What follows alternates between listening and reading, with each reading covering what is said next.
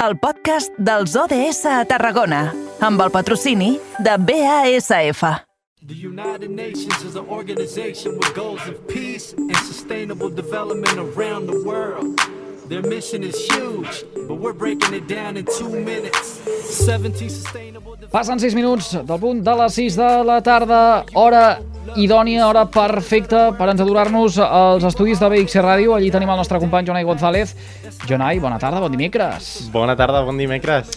Uh, tu te'n recordes, no?, que tenim aquell rellotge, aquell uh, que va marxar enrere uh, i que diu que queden 48 hores uh, perquè entonis aquesta sintonia de l'espai que vam estrenar a mitjan mes de setembre. Sí, sí, sí, ho recordo i encara no he trobat company, o sigui que potser ho faig sol. Ah, doncs mira, també estaria bé. És el repte eh, que et vam llançar per aquest mes d'octubre. El del mes de setembre eh, el vas, eh, vas complir, el vas aprovar amb nota, et vas aprendre de memòria eh, de dalt a baix els 17 objectius de desenvolupament sostenible, vas enumerar eh, tots els ODS. Aquest mes d'octubre volem conèixer les teves dots musicals i per això t'hem dit que, que cantis. En tot cas, eh, vés assajant, que d'aquí un parell de dies en aquesta hora serà l'hora de la veritat, la prova de foc. Uh, Centrem-nos ara, però, en els uh, ODS, aquest camí al 2030. Avui uh, volem parlar d'un programa de la Universitat Rovira i Virgili.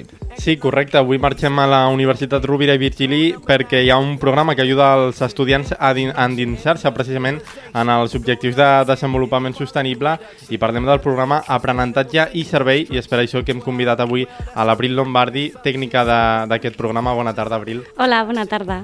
Bé, primer de tot, pels que desconeixen el, aquest programa, com funciona? Molt bé. Pues el programa d'aprenentatge i servei de la URB eh, portem 10 anys, farem ara al febrer, que, que treballem. El que busquem és incorporar els estudiants i a les estudiants a, a que fer acció social, no? a, a través d'assignatures de les titulacions. O sigui, és una proposta educativa que a través de lo que són assignatures i treballs curriculars fan acció social i fan servei a la comunitat. Com fem això? A través d'entitats sense ànim de lucre, de locals, també internacionals, però sobretot d'àmbit molt local. Aleshores, busquem desenvolupar aquesta, aquest compromís social de l'estudiantat, aquesta responsabilitat social que està molt associada als ODS. Uh -huh. I quin, quin és l'objectiu principal pel qual neix aquest, aquest programa? Eh, L'APS en si és una metodologia que ja ve de, bueno, dels Estats Units, en realitat, Service Learning es diu, eh, ja fa molts anys que, que ells fan APS, no? però podríem dir que fa uns 15 anys o així va entrar una mica més a l'estat espanyol i a, i a Europa. Sí que se fa a tots els nivells educatius, a l'escola se fa molt, i, i a universitat, diguem-ne que fa uns pues això, 12 anys que, que s'ha introduït. El que busca és connectar aquesta tercera missió de la universitat. La universitat té tres missions. La docència, la recerca i, per altra banda, la missió social. La funció social de la universitat té retorn a la societat no? d'aquests coneixements. Aleshores, l'APS neix com una iniciativa més d'altres que també en tenim a la universitat, com el voluntariat o la cooperació al desenvolupament, la recerca basada en la comunitat, per a endinsar aquest estudiantat, per a connectar la docència amb aquesta funció social. O sigui, que l'estudiantat està estudiant, però a la mateixa vegada està aprenent a ser millor ciutadà, ciutadana i millor professional, perquè s'està connectant amb les necessitats del territori, no? necessitats concretes, socials, culturals, ambientals. I aquí és una mica on està també la relació amb l'Agenda 2030. No? Uh -huh. I com s'integren aquests objectius de desenvolupament sostenible? Perquè clar, tenim les entitats, tenim els estudiants, com s'integra aquest, aquesta, aquesta barreja? Clar, quan pensem en l'Agenda 2030 potser que ho veiem com una cosa molt global, és global, no, evidentment, però ho veiem com una cosa molt... que no està connectada no, amb el que estem fent. Eh, aleshores, jo crec que la PS és una metodologia dintre d'altres, no? però és una oportunitat per a, per aterrar això, una realitat més concreta i més local. No? Aleshores, com treballem això? Pues anem a les entitats i preguntem quines són les necessitats del territori no? a tots els nivells. Per això, diguem-ne que treballem molt, podem treballar diferents ODS, no? perquè tant reducció de les desigualtats, igualtat de gènere, acció pel clima, educació de qualitat, l'educació de qualitat diguem-ne que és com la nostra objectiu com a universitat, no? aquesta educació que està dirigida a que l'estudiantat tingui un, o sigui, a promoure aquest desenvolupament sostenible, no? eh, a través de Sí. l'estudiantat. Aleshores, com fem? Pues anem a aterrar les necessitats concretes, no? Com podem fer per ajudar-vos a respondre a aquestes necessitats des dels coneixements que nosaltres tenim a la universitat, no? Aleshores, com fem? Contactem amb entitats. Contactem amb entitats, creem una oferta, eh, de, de necessitats que es tradueixen en projectes i això ho difusionem a dintre de la universitat. Aleshores hi ha estudiants, hi ha professorat també, que és la tercera pota de l'APS, el professorat que guia l'estudiant no, en aquesta aventura, eh, ho difusionem a dintre i ells eh, trien projectes que poden ver que encaixen amb les titulacions. Per exemple, no? eh, ara començarem un projecte amb la Cooperativa Obrera Tarraconense, que és una entitat d'aquí del territori, de Tarragona, i que està mm, connectat amb, amb l'ODS, de, podríem dir, de, mm, d'energia assequible, d'acció pel clima, perquè és una qüestió de sostenibilitat de l'edifici. No? És un edifici històric que comporta moltíssimes eh, accions culturals de la ciutat i farem amb el grau d'arquitectura, amb estudiants del grau d'arquitectura, treballs de final de carrera on ells treballaran aquestes mm, possibles millores per a millorar la sostenibilitat de l'edifici, tant d'energia solar, de panels, de mm, energia de climat, o sigui, de calefacció, etc. No? Aleshores, mm -hmm. anem a lo, a lo concret. Sí. Mm -hmm. Mm. Uh, i, i, amb el, I amb els anys, és a dir, amb aquests 12 anys de trajectòria, uh, s'ha accentuat o s'ha intensificat uh, uh, darrerament uh, aquesta necessitat de treballar uh, uh, tot plegat? Ho dic perquè uh, cada cop més tenim més present la, la, voluntat de recórrer el camí cap a aconseguir aquests uh, 17 objectius de desenvolupament sostenible que ens marquen les Nacions Unides. S'ha notat això també uh, en, uh, en la universitat? Sí, sí, totalment. Bueno, nosaltres a l'APS específicament portem, farem 10 anys, no? però bueno. Eh, però sí, s'ha notat perquè les universitats sí que han fet, encara que ja hi havia una aposta, evidentment, per la funció social, la tercera missió, sí que han fet totes una aposta molt clara per incorporar a l'agenda no? 2030 a, a totes les funcions de la universitat. Aleshores, hi ha hagut, per exemple, una gran proliferació de lo que són vicerrectorats de compromís social a les universitats, sobretot catalanes, i això es nota, no? en què la universitat ja té un altre, ja ha donat un altre pas per incorporar iniciatives entre les que està l'aprenentatge servei i d'altres per treballar aquests objectius no? i per fer-ho també més transversal, per poder treballar en totes les titulacions des de diferents paradigmes, des de diferents disciplines.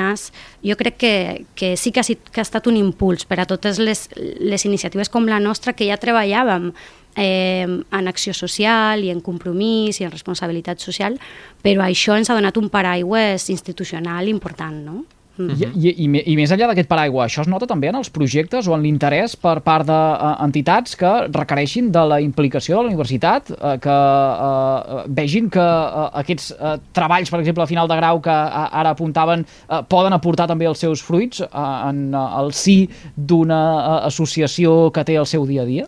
Sí, sí, sens dubte. Vull dir, nosaltres vam començar fa pues, això, 10 anys i vam començar, te puc dir, amb, no lo sé, 20 projectes potser el primer any i, i ara mateix estem fent uns... El curs passat, que va ser un curs de pandèmia, no? complicat, perquè va ser un curs d'educació de, de, online i això complica la intervenció en, en, en la societat no? i en col·lectius concrets, van fer uns pues, 60 projectes i realment el, el, en un mateix curs. No?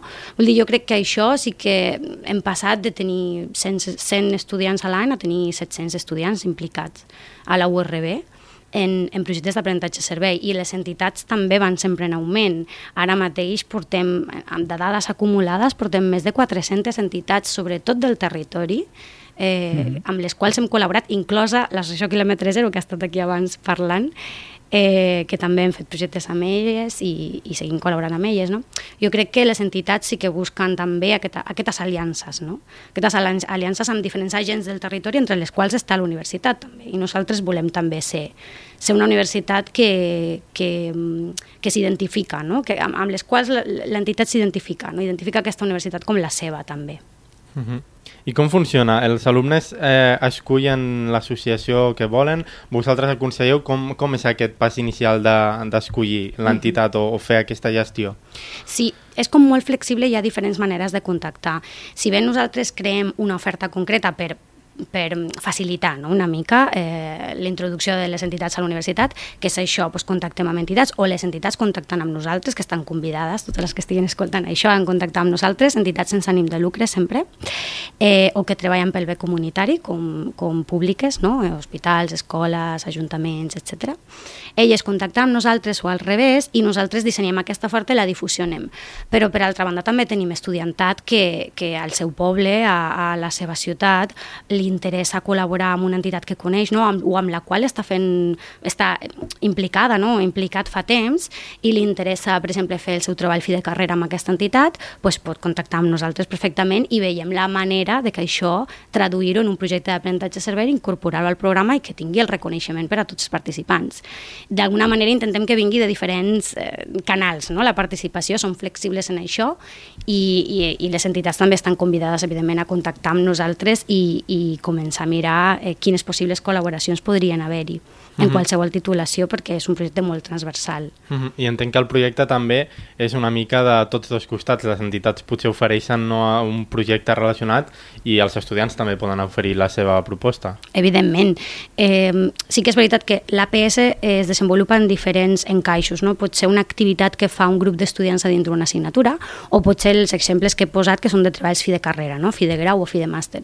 En els treballs fi de grau màster eh, l'estudiantat està pràcticament obligat no? a tenir també la seva autonomia, la seva, a començar a crear no? i a ser creatiu i a creativa. Aleshores, convidem a l'estudiantat a que faci les seves propostes i les entitats moltes vegades estan molt interessades en aquesta visió fresca no? eh, d'estudiants que també estan en un àmbit de joventut, que també els ajuda a veure projectes i, i problemàtiques socials des d'una altra visió, que no és la del dia a dia, no? que és molt complexa, les tasques que fan les entitats al dia a dia, les seves funcions, pues, se mengen tot el dia, no? Aleshores, a vegades necessiten mm -hmm. i, i venen a nosaltres justament per això, per aquesta visió externa, per aquesta mm, sí, cosa més fresca no? que aporta l'estudiantat. Eh, I, i, i, I quin és el feedback que, que recull la universitat per part de tots aquests uh, alumnes doncs, que uh, treballen colze a colze amb les necessitats de, de l'associació, de l'administració que ara uh, apuntàvem? Uh, perquè tinc la sensació que aquí al final uh, es crea un llaç, un nexe. Abans parlàvem, i, i ja que ho hem comentat, de fet la nostra darrera entrevista ha estat a, a, a la- a l'associació uh, Quilòmetre uh, Zero, hem parlat del projecte uh, Rossinyol, i hi havia uns lligams que un cop s'establien costava molt després de tornar a desfer. Passa el mateix després? Repeteixen uh, aquestes entitats? Volen seguir vinculades a la universitat que, mm, que, que, que senten com a seva? Pues la veritat és que justament avui que teníem també una, una sessió informativa amb, amb cooperatives del Camp de, de Tarragona, amb Copcamp, eh, sí que els hi comentava justament això, que després de 10 anys sí que podem veure, podem veure no, una mica com ha estat aquest desenvolupament i, com, i aquesta implicació no, dels participants. I les entitats repeteixen, vull dir, tenim entitats amb les quals col·laborem des del primer any. Tenim sempre entitats noves també que entren, però estan contentes amb, amb el servei que comporta, que fa l'estudiantat, amb aquest lligam amb la, amb la universitat, amb aquesta relació de llarga durada que estem fent i que a vegades hi ha projectes que comencen un estudiant o una estudiant que després segueix un altre, no? eh, perquè intentem que tinguin aquesta també continuïtat en el temps. I per part del feedback de l'estudiantat, que també ho vas preguntar a l'inici, eh, ell, l'estudiant el que vol és estar connectat amb la realitat. Aleshores, li agrada molt fer APS, perquè és aquesta cosa que diuen, estic fent un treball que no, un treball fi de, de carrera que no acaba en un calaix, no? un treball que al final tindrà una aplicabilitat en la realitat. I això eh, augmenta molt la motivació eh, vers els estudis, bàsicament. Augmenta molt la motivació, eh, les notes, el rendiment acadèmic també augmenta, perquè veuen que això té una utilitat, no? I, i els ajuda també inclús per una projecció laboral moltes vegades i aquests lligams que estàveu dient no? de, que, que, es compo que se formen durant aquest tipus d'iniciatives com la PS després continuen, a vegades estudiants acaben treballant en aquestes entitats no? amb les quals han fet col·laboracions perquè bueno, han acabat vinculats o farem, continuen fent un voluntariat o, o treballen en àmbits semblants que havien descobert a través de l'APS, perquè havien dit aquest àmbit, jo que sé, gerontologia, soc de psicologia, no ho havia pensat i ara he treballat amb gent gran i m'agrada, no? Doncs pues mira, se m'ha obert una, una finestra.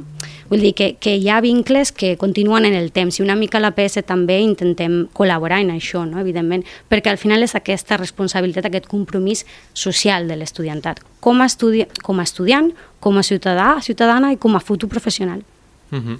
I com veus el, el futur d'aquest programa? Veus algun... Creus que, fa, que fareu algun tipus d'iniciativa o, o innovació en algun, en algun aspecte que, per exemple, us quedi alguna tarea pendent? Mm, pues sí, després de, de 10 anys, algunes de les reflexions que hem fet i també a col·lació de l'Agenda 2030, que és una agenda global, no? que, que és internacional, eh, una de les, de, les, de les línies que volem obrir, que volem potenciar, és aquesta col·laboració internacional no?